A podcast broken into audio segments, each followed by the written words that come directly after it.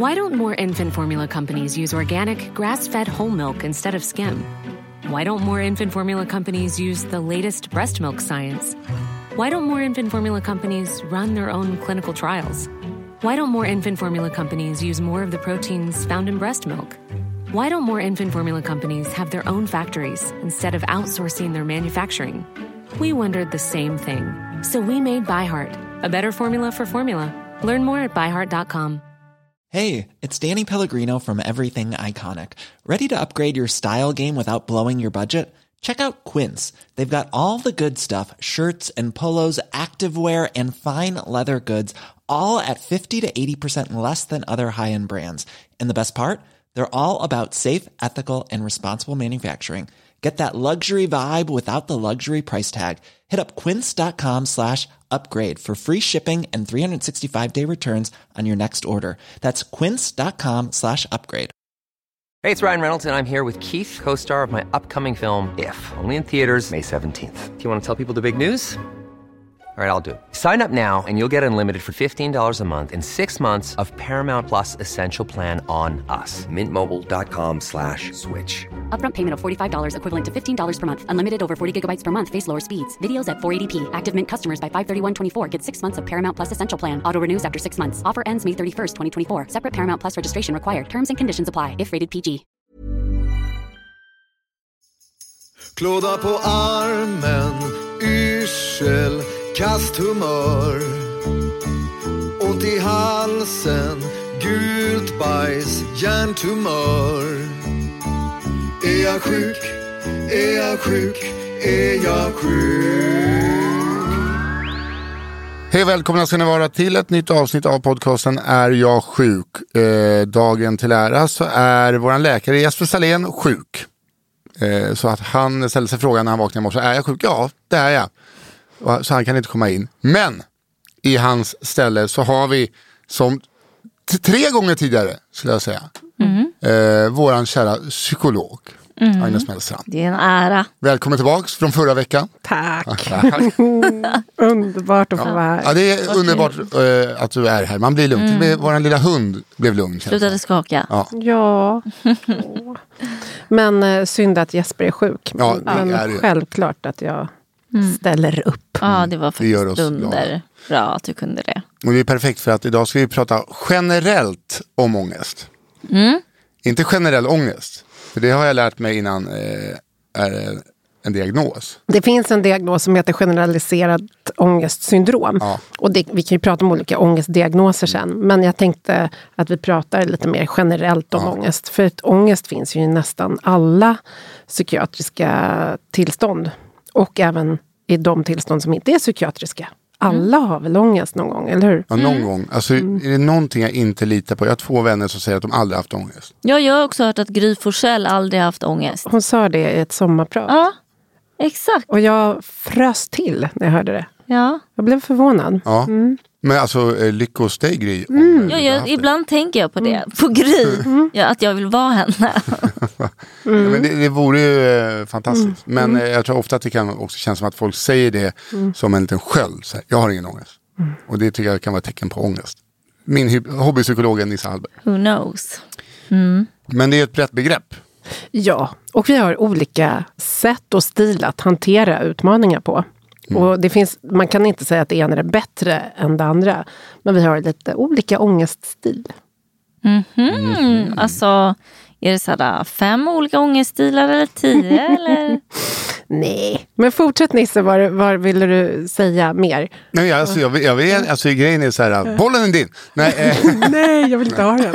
nej men eh, så här, för att jag har ju aldrig kunnat sätta fingret på min ångest. Men min ångest slutar ju ofta med att jag blir ledsen. Så här, eller om man tänker ångest i en relation, prestationsångest i en relation, att man inte räcker till. Sen finns det en dödsångest också. Alltså jag har ju flera olika typer av ångest.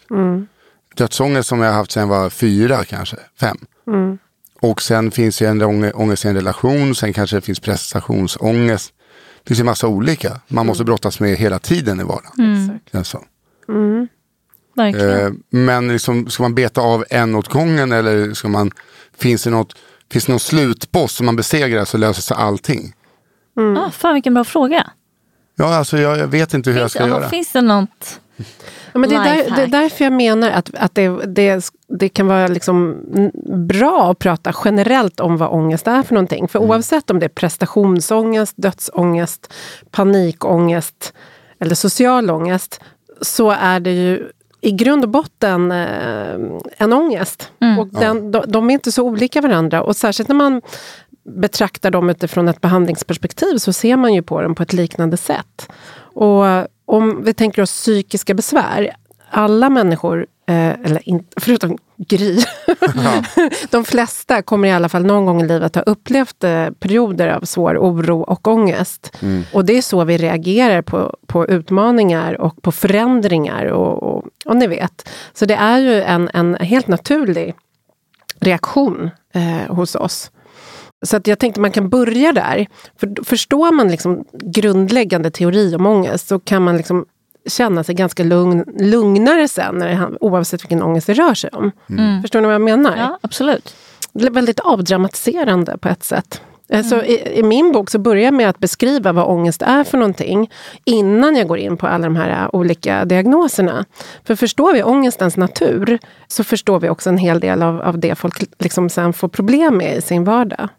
Men eh, vad liksom är ångest då? För det, alltså, nu, jag börjar tänka jättemycket. Jag, jag har aldrig innan vi satt oss nu eh, kom, alltså, kommit på att jag har massa olika typer av ångest. Det var liksom att vi satt nu att jag insåg att det pressar. Jag har inte prestationsångest. Jag, kan Jag har aldrig, aldrig haft prestationsångest i hela mitt liv. jag ska upp och skämta för 12 000 pers på lördag. Ingen prestationsångest. Däremot skulle det inte gå så bra som jag vill. Då får jag en skam och en ångest. Rätt rakt. Alltså, så här, Just det.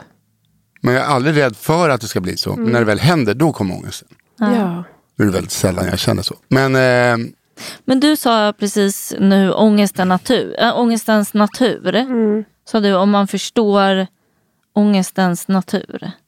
så kan man nog kanske uppleva att det blir lättare att eh, möta den. Sin egen ångest. Och sen sa jag ju också det här med olika ångeststil. Men tillbaks till det senare, för jag tänkte på Nisse, det där du känner efteråt, den här skammen. ja. Jag kunde, också, jag kunde också känna, det märkte ni förra veckan, när jag sa fel. Jag sa, Ja. Istället för att säga parasympaticus, och så sa jag sympatiska systemet. Mm. Och då blir det ju en sån här ångest. Och så här, Åh gud, jag sa fel. Vad ska Mm. de andra psykologerna tänka om mig? Och det är ju samma sak. Alltså någon Ja, sorts, att man ska bli exkluderad, bortgjord tappa ansiktet. Det är en jättestark inre drift vi har som så här flockdjur. Mm. Att inte bli eh, skammade, alltså shameade inför en publik. Alltså, i- förstår ni? Ja, för att Ja. publiken har ju glömt efter, det är så här, Alltså, publiken har glömt två minuter. Ja. Eh, Jag de- har, alltså, får jag bara säga att jag har förståelse för det. Men inte själv just det problemet. Gud vad skönt. Jag har nog inget problem att liksom bjussa på att jag skulle, men ja. Det, Men det är ju jättebra. Men det är inte Alltså, din ångeststil, nej, eller hur? nej, en är det annan inte min ångeststil. Ja. Mm. Men, ja, men du har ju, eftersom du har OCD så har du, mass, du har ju något annat som kanske inte vi har. Eh, Du hävdar ju sig att jag har OCD. Eh, Men jag får inte så mycket ångest av det. Det är bara att det kliar i kroppen när inte saker är raka. Jag tror faktiskt också att det är för att jag har dyslexi. För då är jag är liksom så jävla van vid att göra fel. Eller liksom på 90-talet i skolan att alla bara, men gud jävla pucko kan du inte stava till sjukhus? Och man bara, till slut blir man bara så här, Ja. "Ja, ja, men jag kan göra fel, skitsamma liksom. Det är inte mitt problem. typ. Ja, då, ja, men då om- blir ju alltså, dyslexin en liten superkraft nästan. Ja, alltså, man får vända det till en superkraft. Ja. Liksom. Ja, men eh, man kan säga att du, du, du vande dig så mycket så du slutar bry dig. Ja, exakt. Så är det nog. I det fallet. I det fallet. Mm. Medan OCD är en annan typ av ångeststil. Man behöver ju inte ha tvångssyndrom för att ändå känna att man går åt det hållet. Att Mm. när jag blir stressad eller upprörd så blir min ångeststil att jag måste ha saker på ett visst sätt. Eller att jag blir mer pedantiskt lagd. Eller att jag måste ha saker eh, nu höll jag på att säga på ett visst sätt igen. Jag måste också säga på visst sätt eh, hundra gånger om dagen. Annars blir det på ett visst sätt. Nej, men OCD är också en typ av stil man kan ha och, och fastna i. Eh, Att man kan inte gå hemifrån förrän det här och det här är gjort.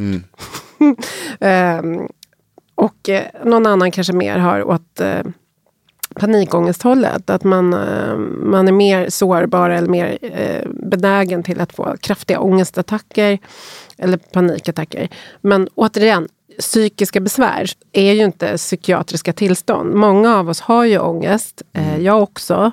Utan att det kanske eh, förstör vår vardag fullständigt. Hänger ni med? Ja, att det är helt normalt ändå, att vi reagerar på fruktansvärda saker också. Det kan vara en konflikt vi har som genererar ångest. Att man är triggad eh, på olika sätt och vis. Eh, och jag är inte skyddad från det som psykolog. Även om jag har stor nytta av den kunskapen jag har. Och liksom livserfarenheten. Eh, den, den gör mig mer motståndskraftig på ett sätt.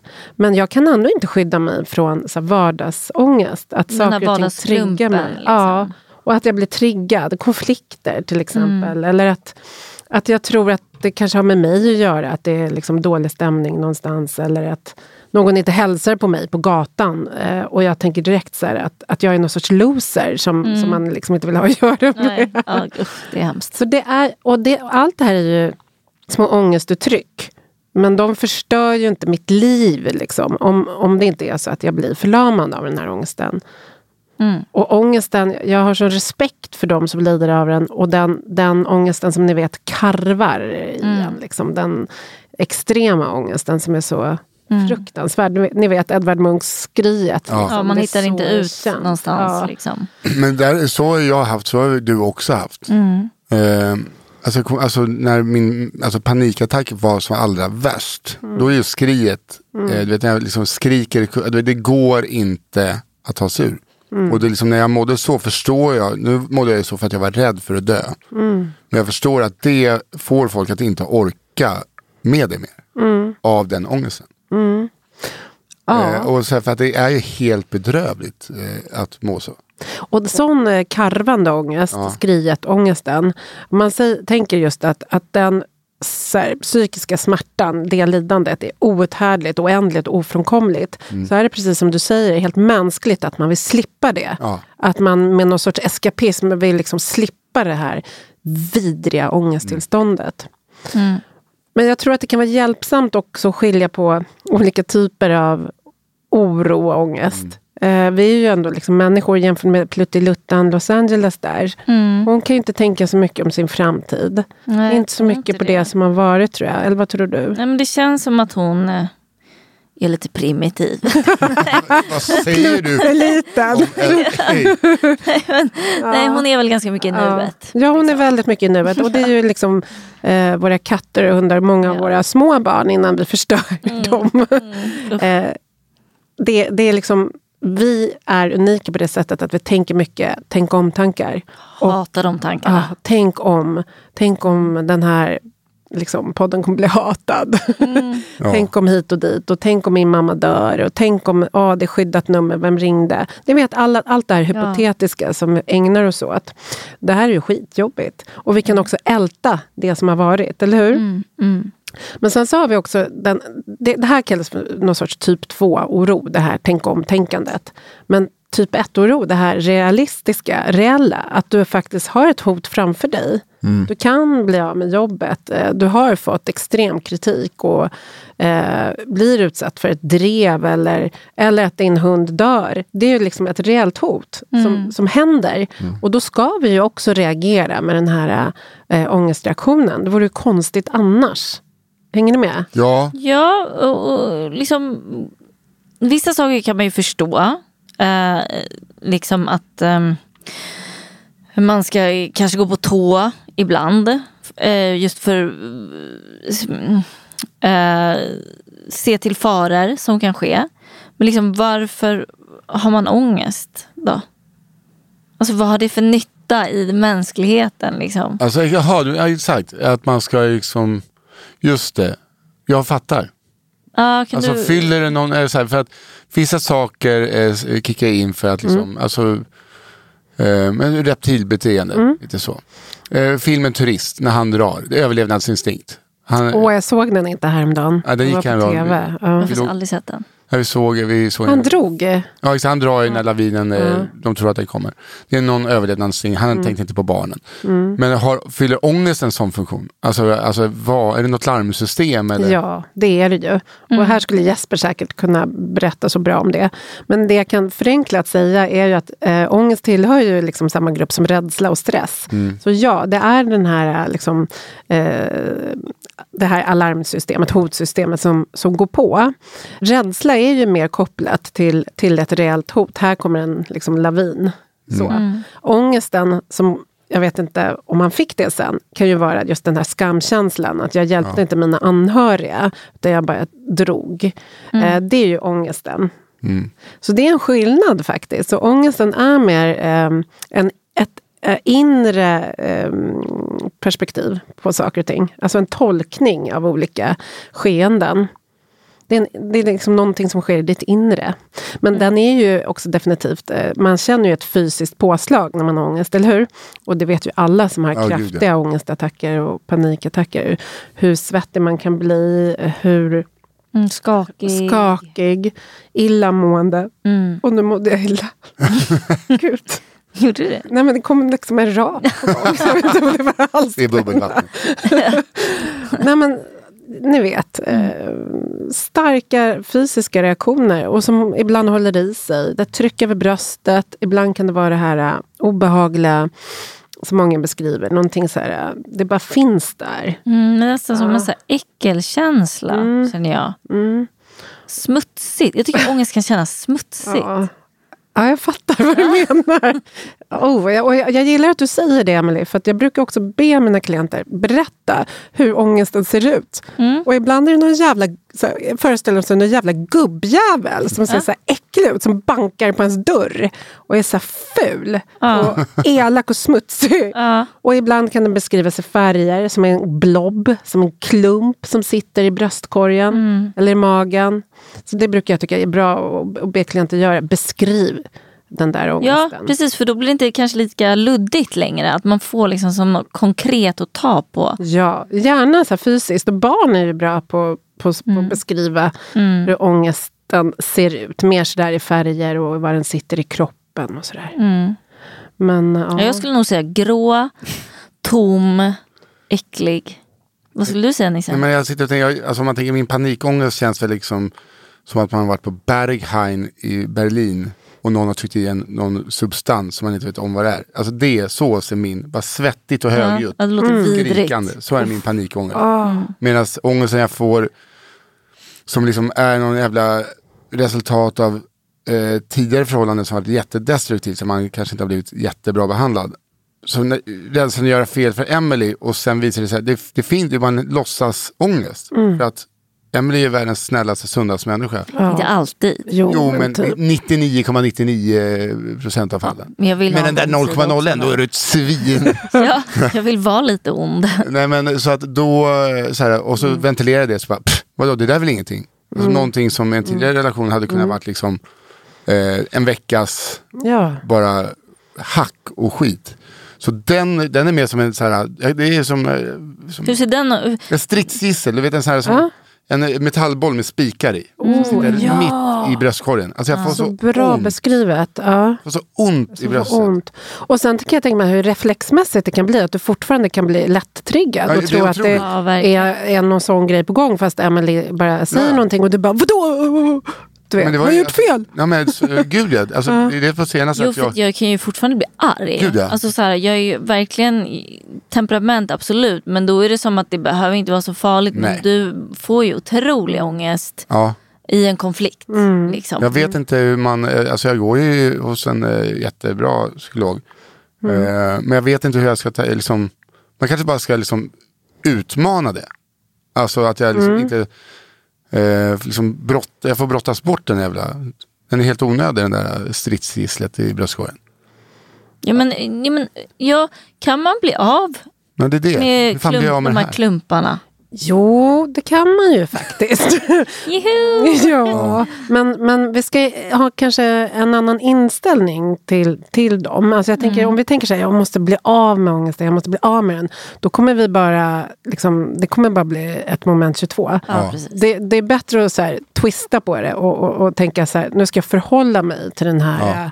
stridsklumpen, eh, beskriva den och så här, du vet, titta på den, inte fly från den i panik utan mer så här, eh, fejsa den. Och det är det du menar med utmana dig. Ja exakt, det Eh, blir lite hur? som att kolla. Så funktionen den där, när, när du blir så här triggad och den ångesten, äh, ångestsignalen går på hos dig, så här lite beredskapsläge. Nu måste jag se till att inte bli liksom, felaktigt anklagad här. När du går igång med det så, är, så, så känner du igen den, eller hur? Du känner gud, igen ja. den. Och funktionen av den ångestsignalen är ju att skydda oss. Alltså, så, så den är ju riktig i sig, för du har ju tidigare blivit förmodligen bestraffad för det ena eller det andra. Ja. Eh, och då är det, din, det är din inlärningshistoria. Så det är klart att jag sätter igång instinkter hos, dig där, där ångesten försöker skydda dig. Ungefär som att man duckar så här. Ja, ja. Ni vet när man tror att någon, bara, ska- någon ska krama en och så duckar man så här. Det man tror att hände man ju mig häromdagen. Jag hade ju Emelie när min kompis skulle ge henne en nyckel typ. Ja, jag skulle få... Han, han, ge dig, han ge dig en bit av en eh, champagnekorg, eller så här, champagnekorg så att du skulle slänga den. Ja, Bara så. och jag bara duckar. Jaha. Som att jag trodde att jag skulle få ett slag i ansiktet. Mm.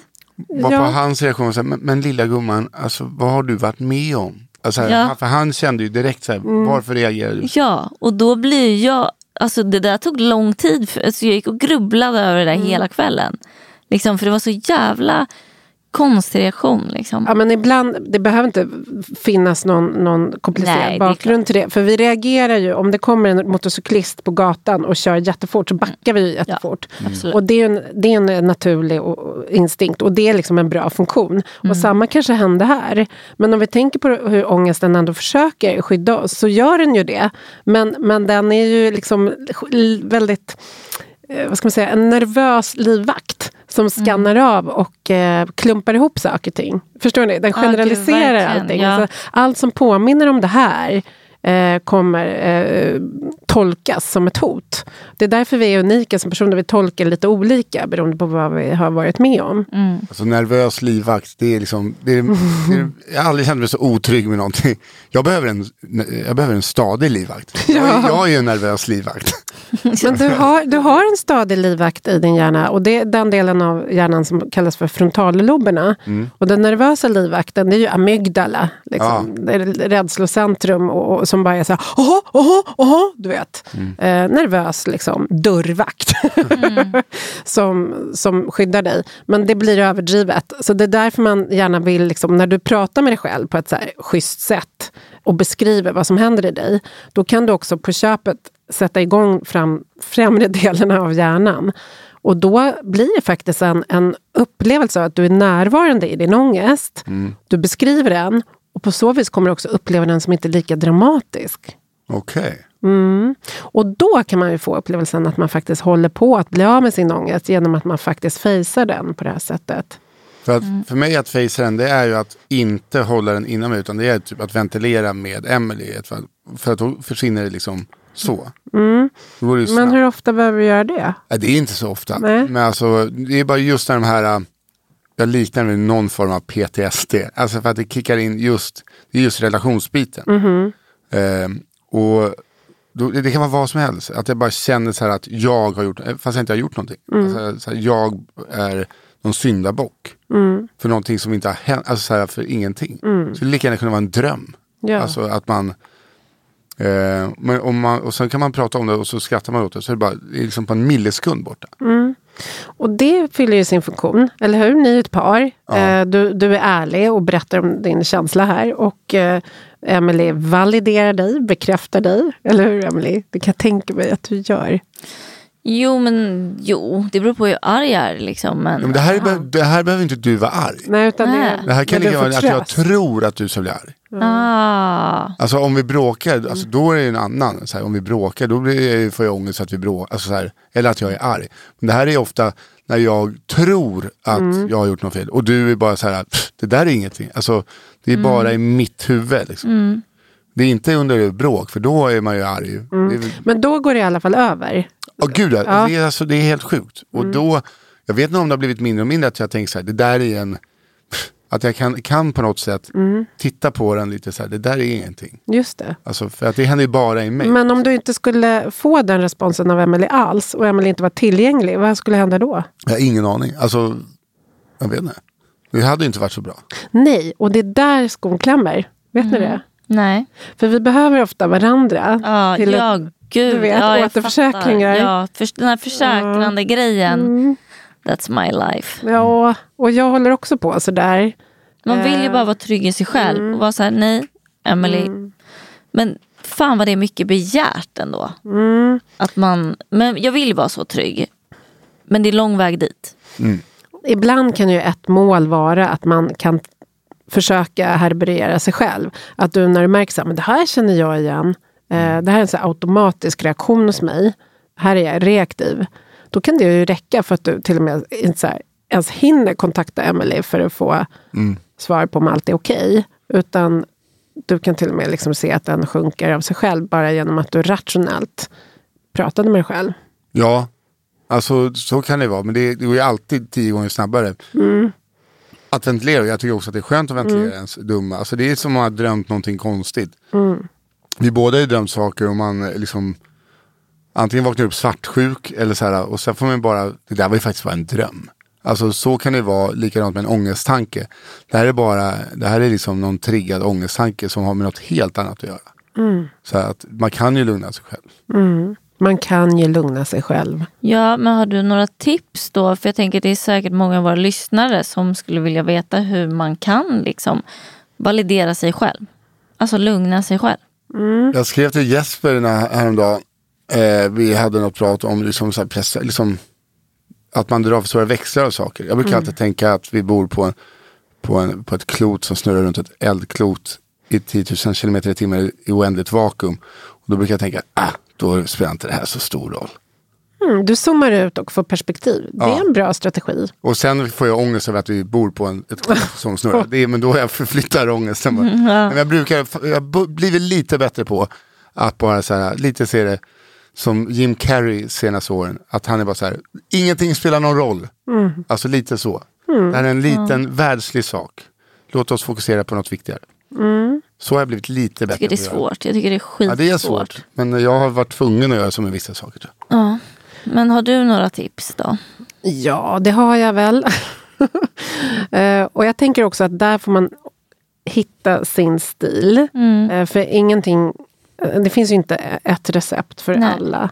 Men jag tycker om man börjar med att helt enkelt byta förhållningssätt. Och det är inte enkelt. Att det inte är så åh jag måste bli av med min ångest, jag måste trycka ner den. Eh, jag kommer ihåg att vi pratade om den här ångestkurvan som en pedagogisk modell. Att när den går upp så gör vi allting för att få ner den så fort som möjligt. För att annars kommer jag typ, eh, det här kommer leda till en katastrof. Jag kommer liksom typ pissa ner mig eller någonting. Eh, men ni vet, katastroftankar. Och då gör man någonting i så här desperation för att få ner det här. Och det kan finnas olika sätt man gör. Det kan vara att eh, ehm, Tvätta händerna? tvätta händerna, det kan vara att ta en tablett, det kan vara att ta en extra drink. Vad som helst alltså egentligen. Men syftet där är att så här, få ner den här ångesten fort. Och det urholkar ju då min eh, upplevda självförmåga att hantera ångesten. Då tänker jag, jag är en person som inte kan hantera så här starka känslor. Jag är inte bra på det. Så vad kan man göra istället? Det är att till exempel beskriva, så nu händer det här i min kropp. Eh, jag tänker på det här viset, nu får jag de här typiska tankarna, de här känslorna, det känns eh, vidrigt. Och jag vill typ bara liksom springa härifrån. Så känns det just nu. Vad kan jag göra just nu? Eh, jag har fötterna på golvet. Liksom, man kan så här, bestämma sig för att känna att ens fötter verkligen är på marken. Hänger ni med? Bara, hur känns det med fötterna på marken? Hör, hör ni vad som händer Ja, ja. nu? Man bara börjar Man- resonera istället för, för att hålla på och mecka. Jaha, så då har man gått in med det här förhållningssättet nyfikenhet. Och beskrivande, utforskande. Och det gör ju att amygdala och nervsystemet bara, jaha, ja, jaha. Hänger ni med? Ja, Så lurar liksom. alarmistiskt reaktion och tolkning på sin, kanske då för till exempel panik. Men det är alltså Så att du det blir- skiftar fokus. Ja, som förra veckan. Men för att det är, man kan ju bara tänka på en sak samtidigt. Ja, egentligen är det ju så. För det har jag liksom, för jag hade ju jättemycket panik och när Mm. jag skulle uppträda så var det så här, blev jag sjukskriven av Mm. spelcell. Så här, du behöver inte gå upp, vi fixar ersättare. Men så fort jag gick upp på scenen och behövde göra folk glada så kan jag inte tänka på att jag håller på att dö. Utan så gick jag eh, av eh, glad. Liksom, för att jag kunde bara Ja. tänka på en sak. Det var liksom, så att det där är ju skifta fokus. Det är, ju, det är svårt också. Det är svårt, men det är Mm, ju det, är ju det, man, det, är ju det man gör. Mm. Eh, och man an- kan använda sina sinnen. Och då vet ni ju också att det här har ju många som självskadare kommit på för länge sedan. Mm. Att man kan använda sitt eh, känslo, alltså sitt sinne, att man kan skada sig för att Man byter smärta mot annan smärta. Liksom. Ja, och den är ju inte ovanlig. Och den, och så jag, det är därför jag menar, jag kan bekräfta och validera funktionen av det beteendet för att det är en ångestreglerare för stunden. Men, men det blir ingen bra långsiktig eh, problemlösning för det försätter en i andra problem och undvikande när man vill inte byta om eller visa sig naken eller så. Det leder bara till strul sen. Så då, då tittar man ju till exempel på alternativa sätt att eh, reglera sin starka känsla på. Och jag är väldigt öppensinnig där. Jag menar, allt från att man kan stoppa in handen i frysen för att kom, på något sätt komma av sig eller reglera det här. Men allt ska ske medvetet. Eller att du lyssnar på värsta eh, superhiphop-låten i hörlurarna. Eller typ dödsmetall. Ja. Eller bara något riktigt jävla... Det kan inte skada dig, men det är liksom bara... Du vet, Ja, det blir en... en, en bryts. snabb- det bryts, men du är samtidigt medveten. Så du, du flyr inte, utan du säger aha, jävla fucking papegoja på min axel som jiddrar och Mm. säger så jävla taskiga saker till mig. Häng med här på en fucking jävla promenad. Mm. Ändå! Det är den liksom stilen man ska ha. Ja, Förstår men det är du? den där punkstilen. Ja, det är den där punkstilen som jag Mm. hänvisar till. Och det är det jag menar, då blir man så mm. Förstår ni? Det är jag som bestämmer här, Ja. inte min Jag ångest. tror också man skulle få så jävla mycket bättre självkänsla och självförtroende. Om man lärde sig det. Liksom, bara, nej, Exakt. det är jag som bestämmer. Liksom. Den här liksom att man upplevda kontrollen. Liksom att man, Det är jag som är kapten. Det är jag som är kapten. Precis, för man får också jättedåligt självförtroende tycker jag av att jag måste ringa min mamma, hon måste bekräfta mig, Mm. Nisse måste bekräfta min syrra, någon jag inte känner. Det, är liksom, det är som att jag nedvärderar mig själv också. Jag litar inte på mig själv. Och ditt liksom. omdöme. Ja, precis. Det är inte Precis. bra. Nej men det blir för att då blir det att man måste göra så. Det var lite i KBT att du fick inte ha några förlåtande tankar. Eh, och folk fick inte heller ge det, alltså var det tvungen att säga ifrån. Den var bara kö- tvungen att köpa de facto att jag var döende eller vad det nu var. Exakt. Olle Wadström, Ja, exakt. Det är liksom, och det hjälpte ju mig. Det kanske inte funkar för alla. Men då måste jag ju börja med det för min andra ångest också. Att försöka, just som du sa, att titta på fåglarna som flyger förbi. Och, så Ja, typ som så här, ja, men Emily kanske tycker att jag är helt jävla dum Ja. huvudet. och då får, Då tycka får det. hon tycka det. Eller så får jag stå ut med ovissheten om hon gör det. Ja. Det visar sig säkert. Och inte men så här, att nej jag är inte dum i det. huvudet. ut- Utan hon har fel. Utan bara, ja, jag, jag kanske är dum i huvudet då. Ja. Men sen är det ju vanligt att vi kompenserar. Om vi tror att vi har sårat någon, att vi försöker kompensera för det. Men när ni vet när man blir så här klängig. Och man bara, men gud, men gud, och fastnar liksom. Och så, var det verkligen okej att jag skrev så där? Det är då det blir det här klänget. Det är då man ska prata om det här, till exempel med sin partner eller vem det nu är. Så här, när jag håller på så här, snälla, liksom, ge, ge inte näring till mitt ångestroll då. Mm. För, för på lång sikt så kommer jag bli ännu mer liksom, beroende. Mm. Gud ja, men det kan jag verkligen eh, från när jag var liten med mamma att du vet, men, eh, som när man har liksom basilskräck och sådär. Man vill ju att folk runt omkring en ska hjälpa en. Liksom. Eh, men det som verkligen hjälpte var ju när hon bara ställde mig mot väggen och bara Emily nu för i helvete skärper du dig. Hon bara det finns i, alltså skit, du är ute på så fel, alltså jag fick en rejäl jävla utskällning. Och då var det som att jag blev noll, alltså nollställd. Liksom, för mig var det det liksom absolut bästa. Men det är väl också någon form av validering egentligen. Ja, och jag, jag, jag kan tycka det är så skönt att du säger det. För när vi pratar om att validera och bekräfta någons ångest så är det ju för att vi ska liksom, vi ska inte straffa någon som har ångest. För vi, vi lever ju, mm, vissa lever ju i, i i grupper där man inte får prata om ångest. Och det är någon sorts machokultur. Mm. Man är väldigt ensam med sin ångest. Eller hur? Mm. Man ska vara på ett visst sätt. Och i andra grupper är man mer tolerant. Eh, och där man är to mer tolerant så skulle man ju också i det förtroendekontot som du och din mamma då hade, då har hon ju råd mm. att säga ifrån på det här sättet. För att du har förtroende för henne. Mm. Om du inte hade haft det och hon hade kommit med den ja. reaktionen så hade det landat på ett annat sätt. Såklart. Och då hade det blivit att hon inte såg dig och eh, förminskade dig. Alltså, om... Ja, om, det hade ju kunnat tolkas ja. så. Mm. Ja, verkligen. Så det är därför är det så, har vi bra eh, relationer, hyfsade i alla fall, med förtroenden, så kan vi faktiskt eh, kosta på oss lite sådana här, du vet, nu räcker det gränssättning. Och det behövs ju i många av de här eh, ångestfamiljerna, där många anpassar sig efter den personen som har sitt ångestsyndrom. Mm. Mm. För det är så faktiskt mm. Men jag märker ju det i vårat eh, förhållande. Om Emily mår dåligt av ångest, det smittar av sig. Alltså jag blir också låg. Jag så, så, jag för, du, är så här, du behöver inte ta det personligt, jag mår dåligt, du behöver inte må dåligt. Men det är som att jag liksom dras ner. Ja. Och jag, jag vet inte hur jag ska, för då vill jag ju liksom kunna vara, liksom, jag kommer stötta bättre om jag är bara mig själv. Men mm. alltså det är som att, jag, det går inte. Det är som att jag liksom följer med hur mycket jag än försöker. Det kallas för affektsmitta, känslosmitta. Jaha. Ja.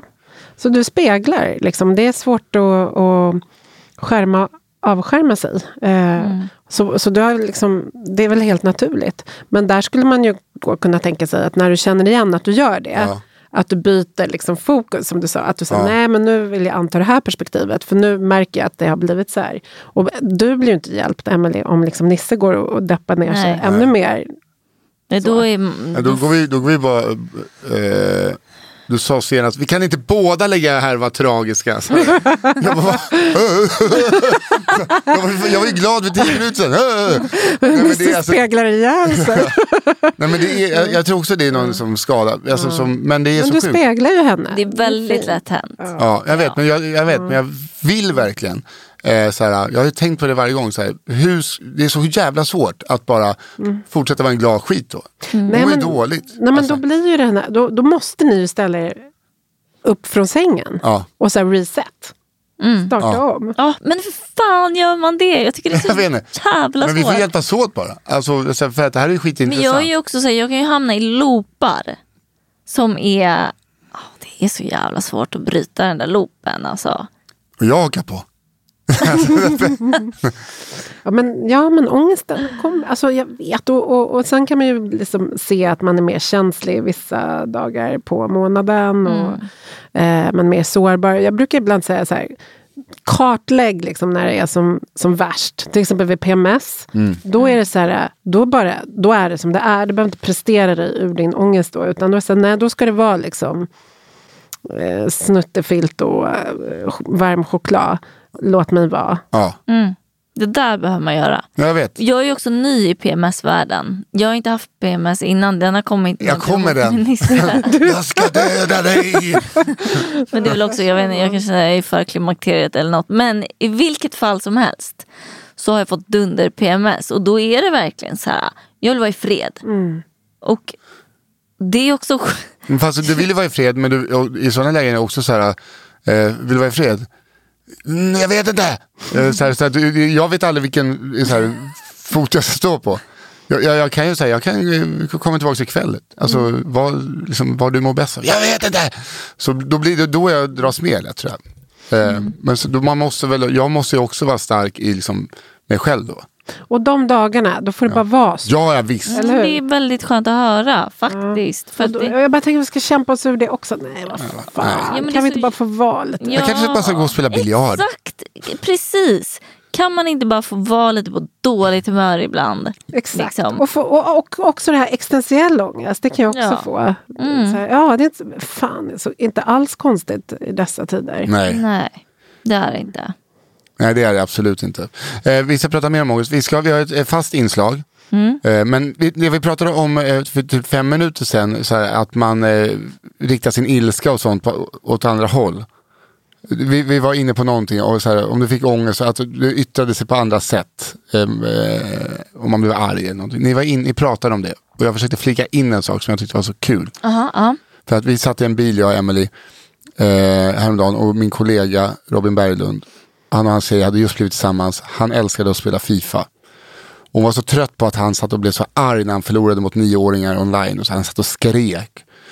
Och sen en dag så såg hon att han förlorade matchen och så bara ser hon hur han slickar över hela matbordet. Eh, och sen går och sätter sig. Han slickar från punkt, alltså från ena änden till andra på matbordet. För det var så han fick eh, eh utlopp för sin ilska. För att han inte ville liksom Höja rösten. ja, höja rösten eller skrika. någonting. Så det, det han bara i stunden gjorde, hans kropp instinktivt var bara slicka på en äcklig yta. Wow. Ja, Och det gjorde mig så glad. Så här, för att efter det var han typ inte arg när han spelade FIFA. Alltså det är liksom, Ja. ehm, jag tycker det är sånt, så här, då gick han en annan väg. Mm. Och så, liksom, då ändrades någonting. Och jag tycker det, eh, Ja, det, det, alltså, blev ju, det blev ju värre, det kan man ju säga. Alltså, det är ju sjukare att slicka på ett bord än att skrika ut sin vrede kanske. Jag tyckte att det var intressant att kroppen bara Men jag tycker valde. också att det är ett skitintressant val. ja. Jag tror inte att det var ett val, jag tror att det bara var instinkt. Instinkt. Ja, så, men varför inte? ja. Det var ett tips där. Till jag vet, jag vet inte, vi kan klippa Jag bort vill jag inte vet, ens ha en trägaffel i min mun. Nej, det tog jävla lång tid Ja, att lunch idag för att det var en Han hade ju varit en väldigt bra person att ha med när vi, skulle, när vi jobbar med OCD. Så här, Titta här vad jag kan göra, det Ja. går bra ändå. Det är så jag måste göra ibland som psykolog. Titta, här slickar jag på toalettgolvet och det går jättebra. Jag vet och det är det som, det, är det som hjälper en. Jag bara, du vet, så här, okej, hon tog på den där blodfläcken på den offentliga toaletten. Så här, då, Ja, Det är sånt vi, vi, gör psykologer. ja, det, ska ni, det är fan något. jag vill eh, fråga lite mer om OCD sen, om man får. Men eh, innan vi går vidare så är det dags för Emily att gå till doktorn. Mm. Eller eh, idag, utan jingel, så får jag sjunga in dig. Ja, Eh, kul. Ja, jag, jag, Improvis, impro. jag, jag vet inte om det är impro. Jag ska, eh, Kan man få en jazzig variant? nej, men herregud, vi satt och skämtade om det här i soffan igår och då, nu fick jag prestationsångest ska jag säga. Ja. För det här eh, klarar jag inte av, nu är jag jättenervös. Jag kan göra den här kissa på katten, kissa. Kissa på katten? Ja, om du vill ha någon Ja, på tisdag, på torsdag. katten. Nej, eh, här kommer alltså Emily går till psykologen. Ja, Du ska gå till psykologen. tack. Okej, Ja. då kommer jag väl bara in till dig då. Välkommen. Hej Emelie. Hej. Det är bara att sätta sig eh, här borta. Tack så jätte- jättemycket. Eh, jag har ett problem som jag, jag måste ha haft i alla fall i 20 år, kanske kanske längre. Och det har, är ångestrelaterat. Eh, jag vill verkligen... Alltså jag är så trött på det för jag känner att min livskvalitet blir så mycket sämre. Och det är nämligen det eh, på morgnarna precis innan jag eh, liksom vaknar till liv. När jag är så här, du vet, man blir, kroppen blir lite medveten, hjärnan blir lite medveten. Jag vet, jag är i en drömvärld men du vet, jag vet att jag håller på att vakna. Det första min hjärna då gör varje morgon är att tänka negativt. Ångesttankar, alltså jag bara slår på mig själv. Liksom, och Eh, liksom, det, kan, det har med allt, jag hittar alla möjliga skäl. Hela, hela tiden. Eh, och det tar aldrig slut. Så att jag vaknar alltid. Min dag startar liksom alltid med att jag slår på mig själv eh, och ger mig själv ångest. Eh, och det är liksom sjukt påfrestande. Och känns inte schysst liksom mot mig själv. För att det vore härligt att kunna vakna och kanske ge... liksom det behöver inte vara beröm men ändå känna att jag är värdig någonting. Liksom.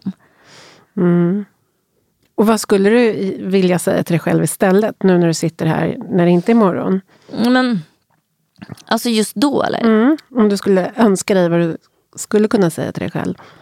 Nej, men jag skulle väl bara egentligen bara vilja att jag eh, skulle säga till mig själv att så här, mm, härligt Emily, nu ska du vakna. Vilket här, det kanske kommer bli en, eller det liksom nu kan du sträcka på dig. Eh, eh, och gå upp ur sängen och möta dagen. Liksom. Det behöver egentligen inte vara mer än så. Mm. Bara att liksom, jag vill säga till mig själv att typ det är en ny dag. Mm. Liksom lite den. På något vis. Och när du vaknar och det här sker på autopilot, Mm. har, har det varit så här länge? Ja, så det är ju en autopilot. ja det är det. Du är van vid att det låter så här när du vaknar? Yes. Okej. Eh, och det du sa alldeles nyss, det du skulle kunna eh, säga istället. Vad tror du skulle hända om, om du, eh, när du vaknar nästa gång, känner igen den här eh, bilen med negativa automatiska tankar. Och så, så håller du i en, liksom en sån här, du vet, som man, vad heter de här, som man tankar bilen med? Ja. Ehm, Gaspump. Den Eller här det är pumpen, bensinpump. bensinpumpen. Mm. Att du föreställer sig att du har en bensinpump mm. och att den här bilen är så negativ. Och antingen stoppar du in den där och tankar med bensin eller inte. Förstår du bilden? Mm. Mm, jag fattar exakt. Ska jag ge de här tankarna mer energi eller Ja. bensin eller inte? Mm. Hänger du med? Att det kommer upp Absolut. som en bild, Ja. nästan som en serie. Jag tänker mig någon sorts kalanka bil Mm. Ja, Ja. Eh, ska jag eller ska jag inte? Ska jag eller ska jag inte? precis. Tror du att du skulle kunna testa det? Ja, absolut. Eh, och då kanske, om du... alltså, Det här kallas lite för att man just inte tankar negativa eh, tankar med energi. Mm. Att det blir liksom att man fångar upp liksom som ett ögonblick av där du bestämmer om du gör det eller inte. Mm. För till att börja med så, så tror jag att det blir ganska lätt för dig att känna igen att du befinner dig där igen. Mm. Det kan du ju bara säga, ja där kommer de det, tankarna. precis. Mm. Där är de. De känner jag igen. Eh, och då står du med den här pumpen i handen och bara, ska jag eller ska jag inte? Nej, det ska jag inte. Nej. Och sen kan du välja om du vill säga någonting annat till dig själv Mm. av det andra slaget. Så här, eh, eh, min fina eh, gulliga Emily, nu är det dags att gå upp. Mm. Det skulle vara fint. Mm. Och ge en själv lite kärlek. Ja. Men du behöver inte känna pressen på dig att vara positiv. Nej, För det blir ju nästan ännu värre. ja, det tänker jag att det kan ju vara lite press. Mm. Liksom. För många coacher så säger så här att man ska säga massa fina, vackra saker till sig själv hela tiden. Ja. Men det kan bli så otroligt pretentiöst och eh, plastigt. Eller hur? Väldigt prestationsångest "Ah, också. Nej, men. Emily, du, så, ah, du vet, det blir ju det, det blir inte genuint. Nej. Eh, och då blir det ett jävla tjafs i huvudet också. Ja. Nej, nej, det är inte sant. Eh, så mer så här, ska jag pumpa den här med energi eller inte? Mm. Och sen så här, god morgon Emily, gulliga du. Nu drar vi upp persiennen. Mm. Eh, det är liksom lite mer så, Ja. vet, det är wise mind. Visa sinnet i Emily som pratar. Mm. Så, så, så, så det där med att vara så hurtig och positiv på morgonen, lägg bort den pressen. Mm, för det är väldigt, du vet som alla sådana eh, kreativa visualiseringar. Ja. Och du vet sådana, vad heter den, quotes. Ja, Man blir ju galen för jag, Ah. man känner ju bara press. fuck quotes. Ja. Jag hatar quotes Ja, med ljusrosa bakgrund. Ja, Så bara, är det kan du jobbigt. börja med att bara slippa där på morgonen. Ja exakt, slippa Bara, det. jag, jag är inte, så här, vad skön jag är som inte en sån här quote-person. Eller hur? Eh, jag vet att jag inte är i det här rummet egentligen. Men Ja. jag bara kom, fick en tanke. ja.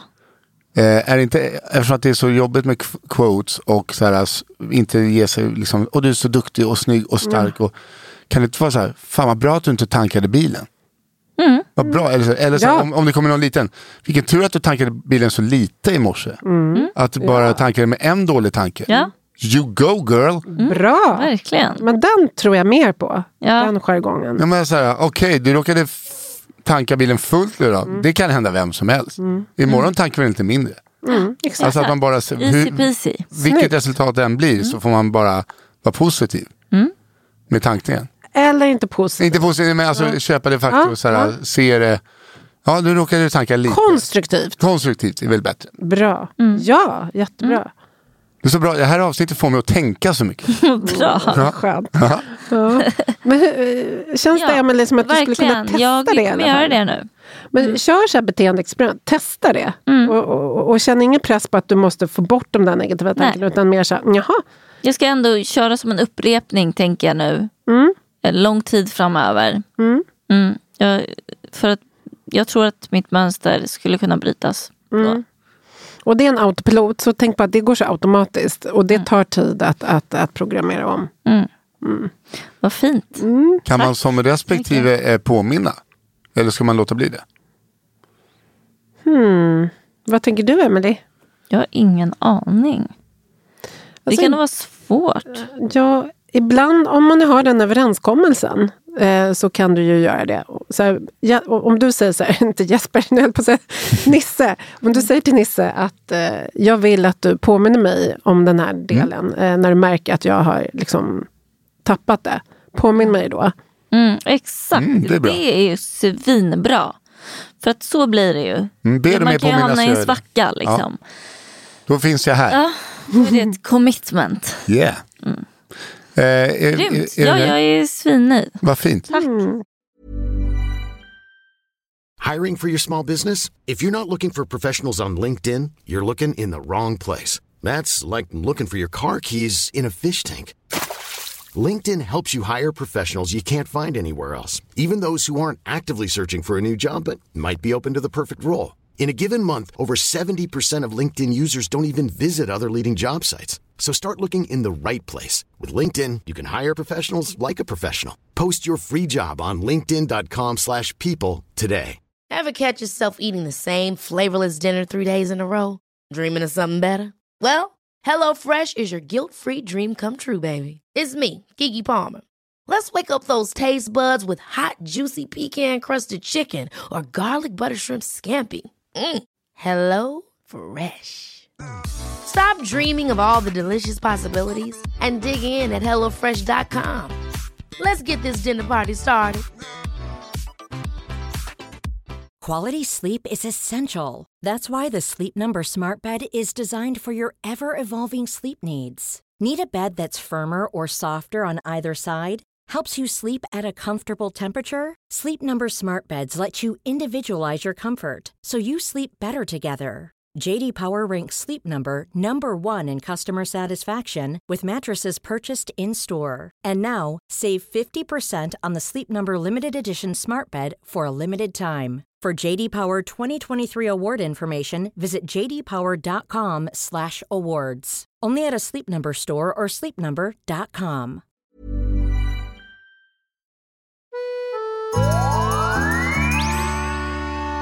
Vi är tillbaka, du har fått tips. Eh, som jag, jag satt ju med i rummet hela tiden. Yes. Så jag hörde tipsen. Vi går eh, vidare. Vad var vi lämnade lite? Jag sa så här, jag, sen vill jag veta lite mer om OCD. OCD sa du, just det. Men det är bara för att du har OCD. Jag tror att jag har gett mig själv OCD. Gett mig själv. Att jag har gett mig, alltså så här, för att jag är väldigt ordningsam. Men nu kan jag liksom inte gå och lägga mig om inte eh, soffan ser ut på ett visst sätt och kontrollerna ligger på rätt rutor på bordet. Jag gör det varje kväll. Ja, Men det, det, det är som en ritual, det är härligt. Det behöver ju inte vara så allvarligt så att det skulle räknas som OCD. Nej, men eh, Utan det kan vara din stil just nu. Ja. Ångeststil. skönt. Ja, men vad intressant. Men ändå någon form av att lindra ångest. Ja, liksom. men lite så här, kanske känna lite kontroll över läget och sådär. Eh, men, men, men om man tänker OCD, då måste vi faktiskt eh, tänka på att de personerna som lider av det, det är ett enormt lidande. För det, de har ju så otroligt många tvångstankar och tvångshandlingar. Intensiteten i den här ångesten är så hög och liksom tidsåtgången, det här, det här det, det rör sig om timmar Ja. per dygn. Alltså, Ja, men jag tror så här som när jag var som värst, det var det enda Mm. jag tänkte på. Och att jag tycker att liksom, det är så jävla intelligent Mm. med OCD för att det går så långt, det är så långsökt. Mm. Liksom, och det ena hänger ihop med det andra och det finns liksom inget slut. Det är så kreat OCD Ja. är kreativt. Ja, och man kreativt, måste ju möta. OCD med samma kreativitet sen. Ja. Ja, det, Så, så det är väl skillnaden Nisse, att det här kanske inte tar över livet. Men Nej, du gud, tycker nej, det är lite skönt att för ha mig är alltså, om Emelie har OCD, hon är en saffransbulle. Jag är alltså det är bara en saffransdoftande, det är ingen saffran i, det är bara någon som har gått förbi med lite saffranspåse. För att det gör min, det gör min vardag bättre. Att jag liksom, Om jag tränar kan jag inte, jag kan inte hoppa över, allting måste vara precis. Annars får jag liksom ångest av det. Men det gör mig bara, det är renare hemma och jag är bättre på träna. Alltså, jag, det är inga liksom negativa sidor eh, av Nej. den här lilla doften. Det hjälper mig. Ja, och då, för vi har hjälp av ritualer. Ja. Och det lustiga är ju då att vi, om vi nu pratar om vad som hjälper vid ångest, då kan det ju vara så ibland att, att jag eh, råder en person till att skaffa sig ritualer. Eh, hänger ni med? Så att Ja. då blir det ju ritualiserat. Alltså att jag går och tränar just då och jag gör så här just då. Så att det blir vissa sådana här liksom, tydliga rutiner som håller mig. Så det kan vara bra. Ja, för mig är det bara bra. För det är liksom, jag är en positiv. För mig är det också bara bra att vardag, alltså vardagsrummet är så jävla piffat varje morgon. Och också när Emily går och lägger sig så här, vad gör du? "Äh, Jag städar lite bara. Alltså för att innan har jag alltid bott själv, då gör jag inte det. Men det blir att man går och plockar lite efter alla. För att jag vill ju också vakna upp till att det är, är fint. Åh, det, Och det mår ju jag bra av. Alltså, Och sen också vad jag tänker på det där med OCD. Jag har ju inte alls så mycket OCD längre. nej. Men jag, tycker det, jag tänker att det är säkert jättemånga lyssnare eh, som har OCD. Liksom. Så jag tycker bara det är liksom, lite härligt att få berätta om egna upplevelser. För att det är också skönt att, att känna av varandra liksom, på något vis. men för att, eh, för, för, för, alltså OCD är väl så himla brett också. Alltså, Ja, för det kan väl vara allt från att jag är liksom rädd att jag ska döda någon till att jag ska hoppa ut från ett fönster till att jag har basilskräck. Eller? Ja, det finns ju olika tvångsteman. Ja. Det är i det här läget som jag ofta när jag föreläser får så här blackout. Vilka är nu dessa? Ja. är, det då du tar, är det då du tar upp din lilla bok? Då tar jag upp min egen bok och så läser jag ur den. Ja. Men renlighetstvång är det där klassiska Ja. som många känner till. Eh, sen finns det ju moraltvång, att man är rädd för att man eh, har gjort något dumt. Eh, alltså, och, och, eh, eller att man kanske vill sin käraste illa. Eller att man eh, har gjort någonting förbjudet. Precis. Eh, bikttvång brukar jag också prata om. Att man behöver liksom Oj, oj, oj. berätta om allting man har gjort. Alltså, det är för- så synd om min mamma. Alltså, hon vet så mycket om mig. Man går igenom hela dagen i detalj. Ja. Mm, vad har vi mer? Men ser ni, nu minns jag ju Kolla, det här är härligt. Jag måste göra det. Sin egen Ja, bok. Och säger hon alltid när jag plockar vilken bok säger hon. Psykiatri för icke-psykiatriker. Ja. Här Det, har det är vi... lite som Thomas Ledin, det är i den här klassiska berättelsen när han står på soundcheck. Ja. Eh, jag känner en kille som spelar med honom då. Och så hör de honom säga bara, vilka jävla låtar. och sen, den- den har blivit en sån, sån snackis att den råttan i pizzan fast det har hänt. Jag bara önskar att du skulle sitta och bläddra nu. Vilken dunderbok. Alltså. Alltså vilken bok. Jag vill gärna köpa den där av dig. ja, vi måste göra det. Okej, jag tar med mig några ex nästa gång. Gör det, på riktigt. Rengöringstvång. Mm. Osäkerhets och kontrolleringstvång. Och det är ju den som att, tänk om jag inte har släckt, tänk om jag inte har stängt av spisen, ni vet, det börjar brinna om jag inte dubbelkollar. Arrangeringstvång, lite det du beskriver. Fast till exempel vid demens så är det ju viktigt att personen som är dement får arrangera sådär. För det gör man ju för, sin, för, min, för, för minnets skull. Så då ska man ju inte t- så här, röra om det för den här personen som är dement. Så man ska inte vara dum upprepningstvång, att man fastnar i, i en motorisk handling. Och då har jag ju klienter som till exempel, liksom, nej, det där, telefonen ska vara sådär, sådär, sådär, sådär. Men det är sådär. väl den som man eh, oftast tänker på. Alltså Mm. man hör OCD, att sak, saker ska stå Ja. på... Eller så här, gå framåt. Jag gick ju fram och tillbaka. Mm. Så jag kunde ju komma 30 minuter sent till varje lektion för att jag bara kunde inte sluta gå. Mm. Liksom. Eller som vuxen med barn. Mm. Liksom pinsamt på en gata. Att man bara kunde inte sluta gå fram och tillbaka. Ja. Och, och det är just det att man ska till exempel gå ifrån en situation. Eller när, innan jag skulle träffa er och jag skulle gå hemifrån mammas boende. Då hamnar jag i upprepningsbeteenden. Eh, beteenden. jag, jag kan inte gå ut. Okej. Förstår ni? Och det är ju verkligen ångestladdat. För jag är rädd för att nå- jag har missat något. Och så går jag så här fram och tillbaka. Så jag skrev ju till och med till Nisse att jag blir lite sen. Just det, just det. Ja. Just det. Moraltvång, ja det var jag inne på. Bekännelsetvång, det var det här bikta sig. och mentala ritualer och magiskt tänkande. Och det här är ju någonting som också är mänskligt. Att vi alltid har haft lite såna här magiska tankar och, och önskningar och sådär. Att om inte jag gör så här så kommer min familj eh, vara med om en fruktansvärd olycka. Och det här är också i perioder vanligt. Särskilt eh, barn i mellanstadieåldern kan fastna i det här. Och ska ha sina gosedjur på ett särskilt sätt. Eller att, som min dotter gör, och det är verkligen, hon har ju inte, hon har inte OCD, men det här, hon vet ju själv att det här är en avgränsad tvångshandling. Vi måste alltid säga så här, vi ses sen, Jag med. Vi ses sen. Och, och så hon gör det, för jag gör alltid det gör mot mig. Ja, alltid. Ja, för säkerhets skull Ja. måste vi säga så. Exakt. Och om någon säger då så här, ja, jag älskar dig, då måste vi börja om. För det måste ju sluta med vi ses sen. Gud, Så om man säger någonting det. efteråt så är det kört. Då måste vi börja om okej nej, nej, nej, nej, nej, nej. Vi ses sen. Och sen när man går och lägger sig, då ska man säga vi ses imorgon. Ja, alltid.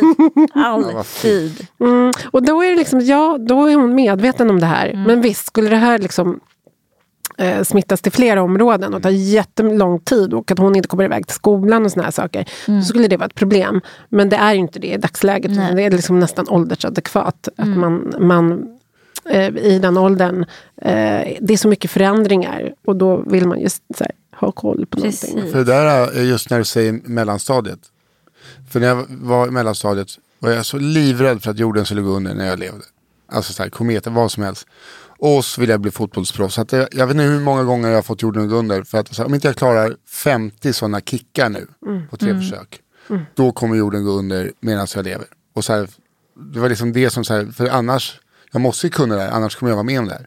Men det är varenda jävla gång. Alltså, så här, men det är just mellanstadiet.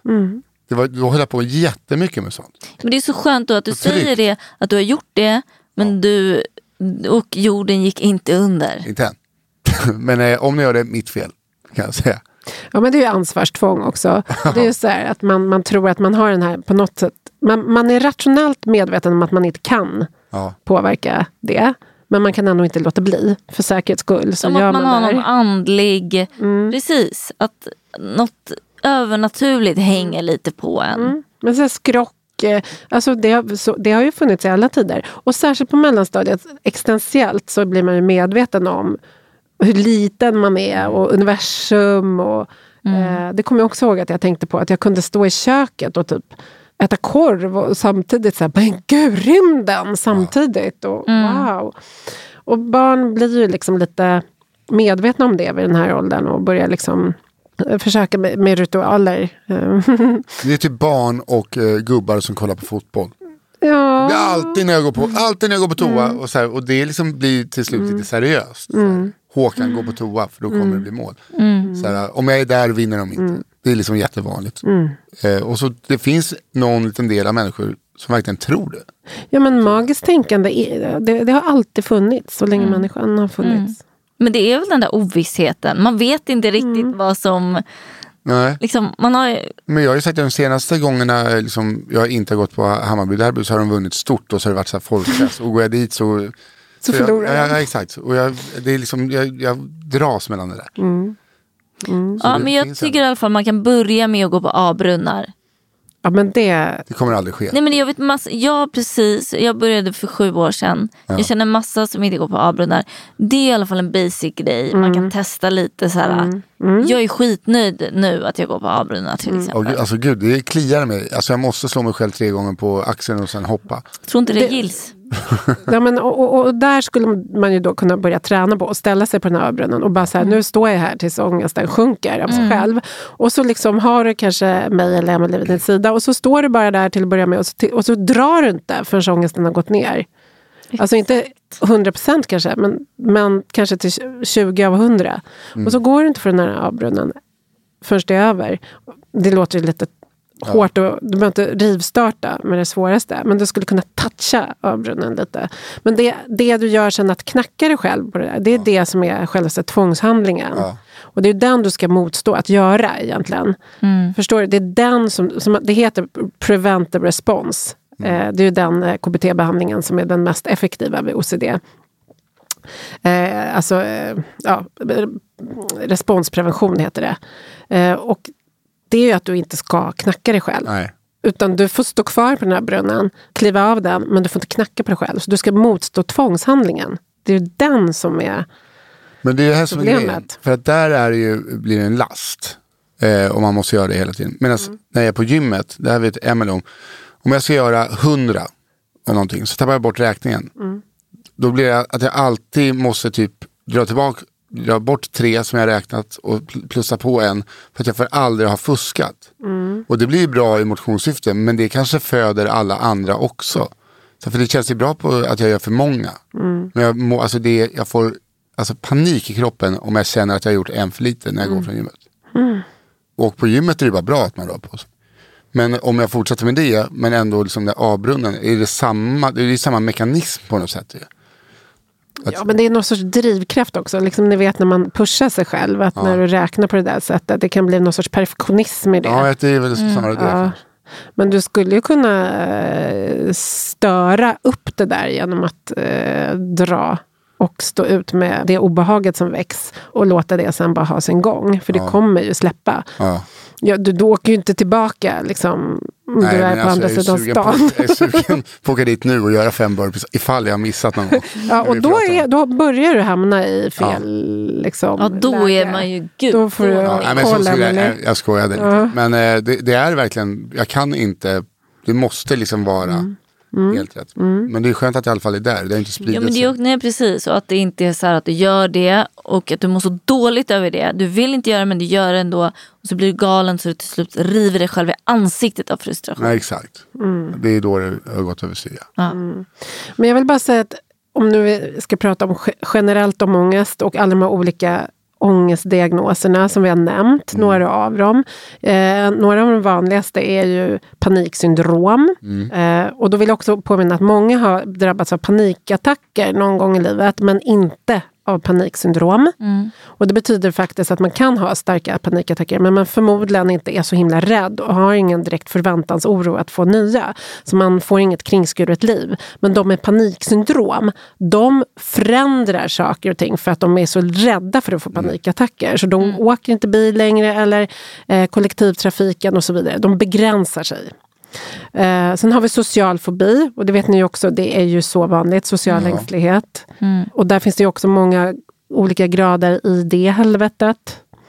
Från liksom lättare social ängslighet eh, till en stark social fobi som leder till kraftiga undvikanden och där man blir isolerad. Och då är det viktigt att komma ihåg att personer med social fobi är oftast personer som längtar efter social samhörighet. Som, kommer ni ihåg när vi läste Ja. de här mejlen i somras? Och, eh, man längtar, men man kan inte. Nej. Så där är det viktigt att stötta. Vad har vi mer? GAD, generaliserat ångestsyndrom. Och det är ju den här liksom generella ångesten för olika teman i livet. Nästan alla eh, punkter. Familj, vänner, eh, samhället, hälsa, arbete. Man är där och oroar sig överallt. Det är väldigt svårt att, att liksom reglera ner. Och det är ju väldigt utmattande. Man är väldigt påläst och, och, och har ett liksom fullt beredskapsläge hela tiden. Och sen så har vi ju OCD som vi har pratat om, tvångssyndrom. Och posttraumatiskt stresssyndrom. Och specifika fobier. Posttraumatiskt stresssyndrom är ju det som är kopplat till trauma och som är en extremt eh, fruktansvärt jobbig ångest. En svår eh, ångest som man har svårt att bemästra. Den, den är tuff. Och sen så har vi ju specifika fobier som inte alls är heller så himla lätta. Det finns ju de som inte Eh, förlåt att jag avbröt dig. Men, men, men jag tänker bara att jag tror att folk ibland bagatelliserar människor som har specifika fobier. Men det kan ju vara någon som är rädd för getingar som inte, vill, eh, som inte har öppna fönster eh, i sitt hus, i sin villa från liksom, mars till november. Det är ju också en enorm begränsning men för att man är så rädd för getingar. Det är en specifik fobi, ett exempel. Ja, nej, men jag tycker man verkligen ska ha respekt för människor med fobier. De är ju skitkonstiga. Liksom. Oftast orimliga. Men ändå ja, finns de ju verkligen där. Liksom. Ja, Och förstör. Gud, du säga något om PTSD? Nej men jag tänkte bara, för vi också, jag tycker det skulle vara kul att prata om det i ett annat avsnitt. Jag har Ja. också fått lä- eller lyssnare som har eh, hört av sig om det. Så att, att vi borde köra det någon gång. Ja, men det tycker jag också, för det kräver sitt eget avsnitt. Ja, verkligen. Verkligen. Mm. För, just för att för, liksom, på något sorts respektfullt sätt inte Mm. bagatellisera för jag tillståndet. tror att gemene mans, liksom, eh, den vanligaste bilden av PTSD det är att man har sett på film att eh, militärer som har stridit i Vietnam kastas tillbaks till Mm. frontlinjen. Lite. Liksom det är det, och bara det, många, alltså den typen. När det är så himla mycket mer. Mm. Eh, så att eh, det skulle jag också jättegärna vilja lära mig om. Ja, det kan vi ju prata mer om. Och där är det också viktigt att inte människor i vardagstalet använder ordet trauma för lättvindigt. För det är inte schysst mot dem som verkligen har varit med om Nej. trauman. Nej. Nej, det är sant. Som min eh, läkare sa att mina testiklar hade varit med om trauma. Och jag, jag, jag känner så här, det där är att ta i tror jag. De hade PTSD. ja, det är så kul. Exakt. Det är så, Vilka testiklar alltså. ja, de, de har det jobbigt. Ja, stackarna. Eh, nej, men, eh, men är det någonting du vill tillägga innan vi, tar- för vi har fått in frågor specifikt på ämnet nämligen. Nej, jag känner mig nöjd. Jag tycker det är skönt att vi konstaterar att vi behöver ett till avsnitt. Och där vi liksom fokuserar på kanske något av de här tillstånden. Mm, alltså, Minst ett. Ja. ja, jag tycker det var skönt Många. att vi eh, liksom, eh, fick flyga omkring lite fritt över det härliga landskapet ångest. ja, Jag tycker, det är- jag tycker det är viktigt att man säger härligt så att man, inte, så att man eh, får le åt ångesten lite. ja. Verkligen. Känner ni inte det? Jo. Att det inte Jo. blir lika hotfullt då? Inte alls Jo. lika äckligt? Nej. För, man ska, för det är vi som är kaptener på våra egna skutor. Ja. Jo. och det så vi har varit på Åland. Jo. Och det har slutat med att Emelie har en helt säregen finsk dialekt som har kommit fram ibland. Som gör mig glad. Ja. Ta bort ångest. Prata finlandssvenska med dig själv nästa gång du har ångest. jo men det tycker jag. Eller hur? Det, Det kommer bra att göra. Det, alltså, det kommer vara skitbra tror jag. Gör det på morgonen när Ja, du du har en bra finlandssvenska. Jag har ju mer en svensk Ska jag finska. tanka eller inte? Jag har ju mer den här en finsktalande som har lärt sig prata svenska. Eller som när du här- härmar eh, polsk brytning. Har du ångest? Var det din polska? Nej, Hon no, är ju- ja. Ja, jag vet. Jag vet. Mamma polska. Nisse säger att han är bättre. Eh, eh, lyssna här nu, så här. Var det där din Jag vill, jag vill inte ge dig ångest, så här låter en polsk brytning. Min mamma brukade skrika på mig så här, eh, att det var min jäkla amygdala som, som brakade. Fan vad fint. Så icke-validerande. Det är så fint att en av mina favoritskivor heter just Amygdala. Mm. Så jag, när första gången jag hörde vad det var så blev jag så glad att jag förstod vad det var för någonting. Men vi har ju lite frågor till dig. Mm. Hej världens bästa podd. Shit pommes frites vad ni är grymma. Ni hjälper så många. Jag har en fråga om prestationsångest. Jag visste inte att jag hade det övergripande i livet. Jag trodde det var i skolan och på jobbet. Då har det funkat som en drivkraft. Men det påverkar mig fruktansvärt i hälsa, motion och även att vara kreativ. Jag borde kunna springa längre. Jag borde inte bli andfådd redan. Och det borde inte bli så här fult när jag målar. Det har gjort att jag inte vill träna, för det slutar i tårar och sämre självkänsla. Alternativt att komma upp i puls känns som en panikattack. Senaste attacken var väldigt många år sedan. Man måste träna för att må bra, men det får mig att må sämst. Hur ska jag ta mig ur detta? Kram.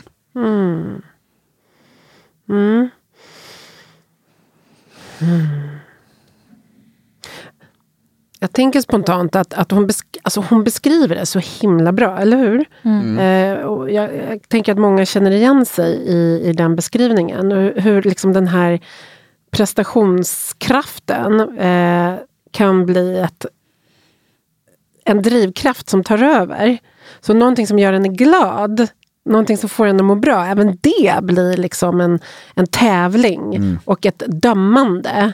Eh, där språket verkligen eh, eh, blir en last. Va? Du vet att vi värderar det vi gör. Bra eller dålig. Ja. Eh, smal eller tjock. Liksom.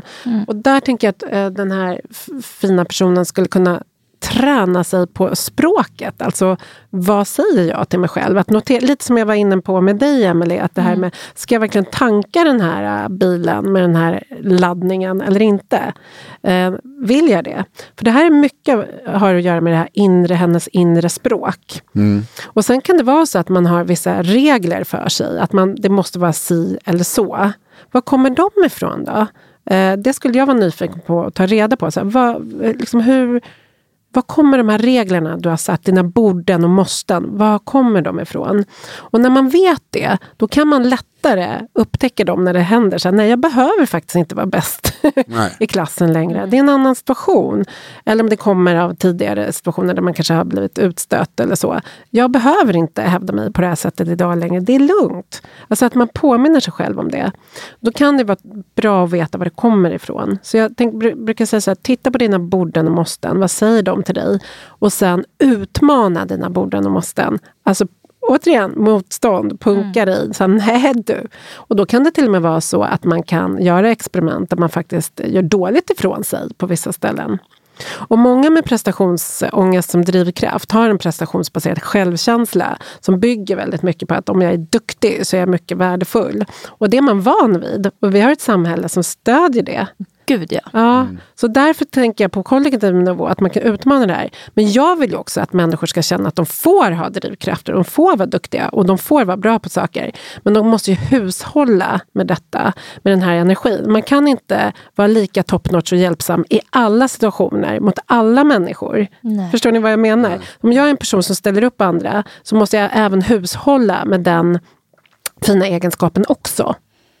Precis. Det är lite som, eh, man, man har ett visst antal drinkbiljetter, man får dela ut dem, eh, portionera ut dem över livet. Ja, Och likadant med sådana saker. ja. Du är ju lite sån också. Så här, Du är så snäll mot alla och hjälper alla. Och, alltså enligt mig i alla fall. Ja. ja exakt, jag får, eh, man får eh, välja sina tillfällen. kanske. Ja, men för om ett borde är så här, jag måste alltid, eller ett måste, jag måste alltid vara eh, omtyckt. Hmm. Vad leder det till för beteenden? Jo, att det blir på lång sikt så att man gör för mycket saker eh, som man egentligen inte ens vill göra. Ja. Man går över sig själv. Vill du ha frågor? Du får välja vilken du vill där. Finns eh, inte den högst upp, den har vi tagit. Okej, hej. Jag fick nyligen diagnosen GAD. Jag undviker helst att äta antidepp på grund av negativa erfarenheter från tidigare depression. Min psykolog är ändå övertygad om att tabletter är det bästa valet. Men finns det någon annan slags terapiform eller liknande som fungerar? Ja, och GAD är ju då generaliserat ångestsyndrom. Och det är faktiskt en av de diagnoserna som är knepig. Den är ju knepig. Okej. Eh, och, och med det sagt så vill jag inte säga att något är omöjligt. Men det finns ju olika eh, behandlingsalternativ. Och jag vet ju inte vilket den här personen har hos sin psykolog. Nej. Eh, men om man tänker så här, kognitiv beteendeterapi som ett ganska brett spektrum av olika metoder så skulle man kunna pröva sig fram inom det spektret vad som passar just den personen och hennes GAD. Jag har till exempel erfarenhet av acceptance commitment therapy, alltså ACT. Den inriktningen eh, brukar vara hjälpsam vid just eh, GAD. Där man jobbar mer med acceptans Eh, vad man kan påverka och inte påverka, se skillnaden där liksom, och committa till det man kan påverka. Och då finns det övningar och tekniker inom ACT som man kan använda sig av. Och ibland kan det vara just kopplat till naturen, att man använder sig av, av naturen som ett sätt att eh, liksom, vad säger man, få paus från sin gadd och liknande. Eh, det är väldigt liksom, ett, ett, ett jättefint sätt att se på ångesten som man har inom ACT.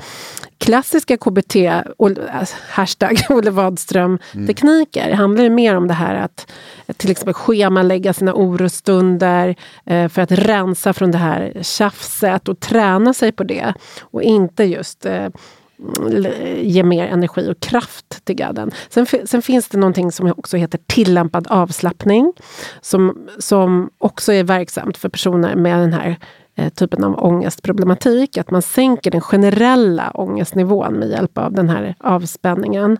Och sen när man till exempel får eh, ett påslag så kan man eh, använda sig av eh, någonting som heter snabbavslappning. Så det skulle man kunna be den här psykologen, om hen har eh, till exempel en KBT-bakgrund, att eh, genomföra tillämpad avslappning vid några tillfällen. Det tar några gånger att lära sig det där.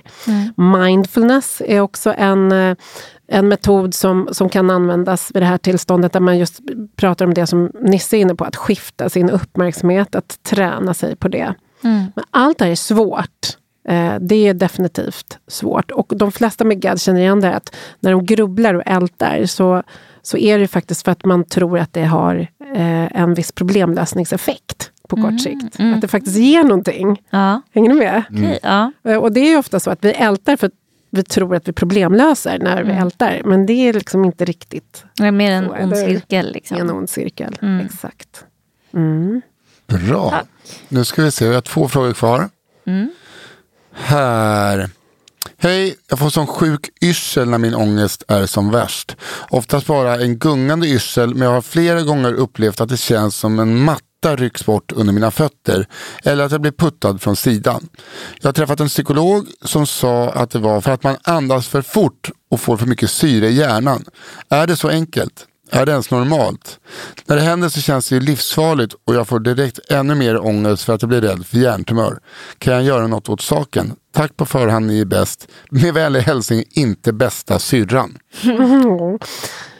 Mm. Nu önskar jag att Jesper var här. Mm. För yrsel kan ju ha liksom olika... Det finns olika anledningar till yrsel.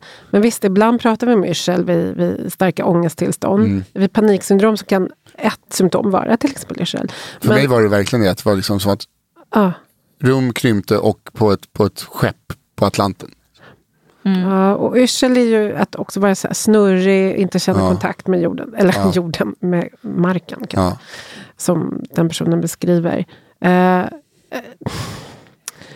det, jag skulle definitivt eh, gå i någon sorts kognitiv beteendeterapi här. Jag har Mm. ingen eh, direkt... Eh, jag kan inte säga exakt vad den här personen ska göra nu, mer än att det vore lämpligt att prata med... Nu går ju den här personen hos en psykolog. Ja, Återigen, jag vet inte vad de gör där. nej. Men jag vill också vara, vara så här.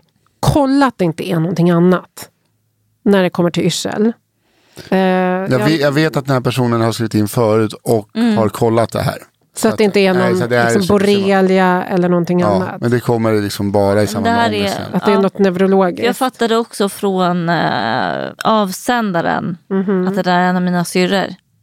Jaha. Mm. Åh. Nej men jag tror att det är just hon är också rädd då. Mm. Att det ska vara någon farlig. Jag tror hon har ju redan gått till läkare med det Hon här. har, ja, de, de har kollat allt det där. Som jag, Ja och hon har haft det liksom skitlänge. Mm. Men just att, ehm, att eh, jag tror att det spär, hon har yrsel men Mm. jag skulle kunna tro att den här yrseln späs på av att den kommer. Mm. Ja. Liksom. Och hon är en väl, hon, ja, jag ska inte. jag skulle be en psykolog göra någonting som heter interoceptiv eh, exponering. Mm. Och det betyder att man framkallar yrsel med flit. Och så är man kvar i yrseln eh, och eh, låter den här liksom, obehagstolkningen eh, gå ner. Alltså det, så att man får fram den, den här sensationen yrsel, alltså till 100%. Det här har jag fått göra. Och sen så får man liksom vara kvar i den känslan och tolka vad, hur, man liksom, eh, hur man upplever den. Hänger ni med? Ja. Så hade det varit hjärtklappning hade jag gjort samma sak och sprungit upp och ner för en trappa. Och här skulle jag då framkalla tillsammans yrsel. Och så skulle jag som psykolog också vara med och göra det. Jag har själv suttit i sessioner där jag själv har blivit så illamående. Oj, Oh. kan man framkalla så? Ja, Alltså? ja gud. Och det finns en lista på hur vi gör.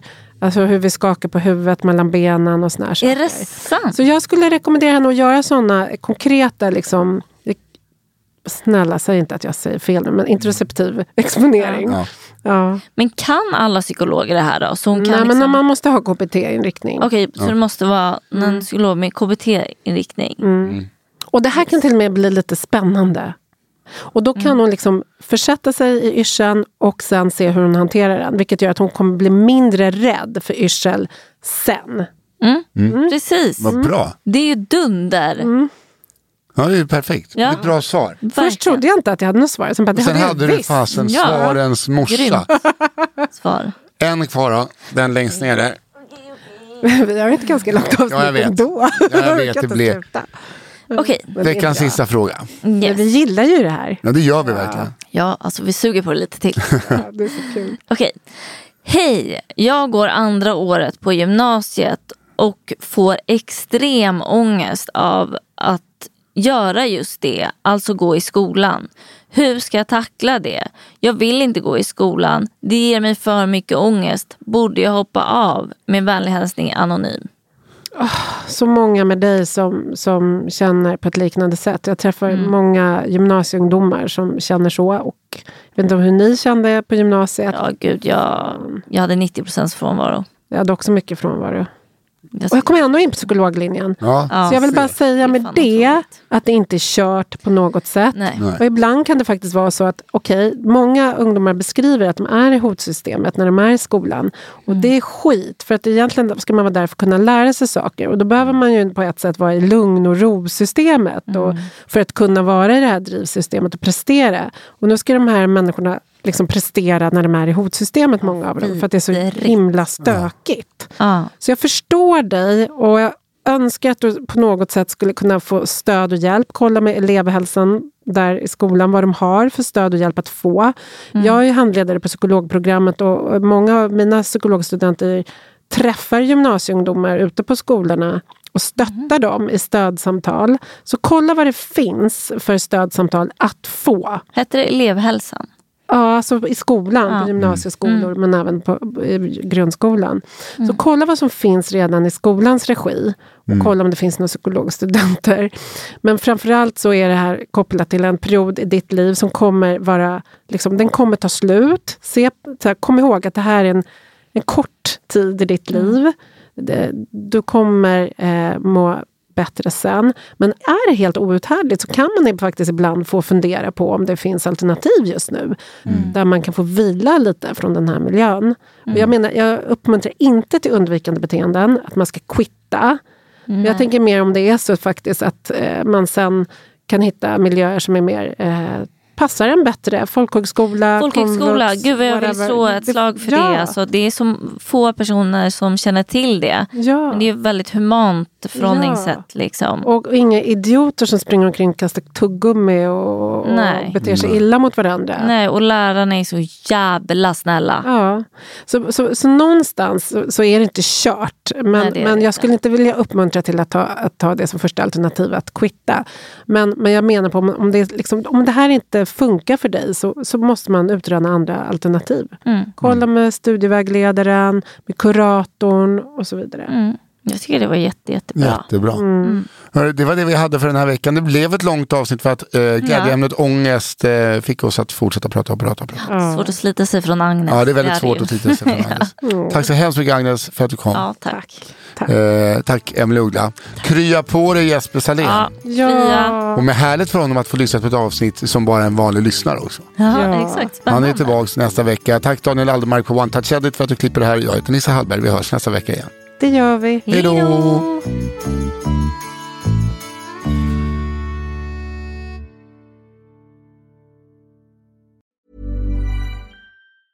Ever catch yourself eating the same flavorless dinner three days in a row?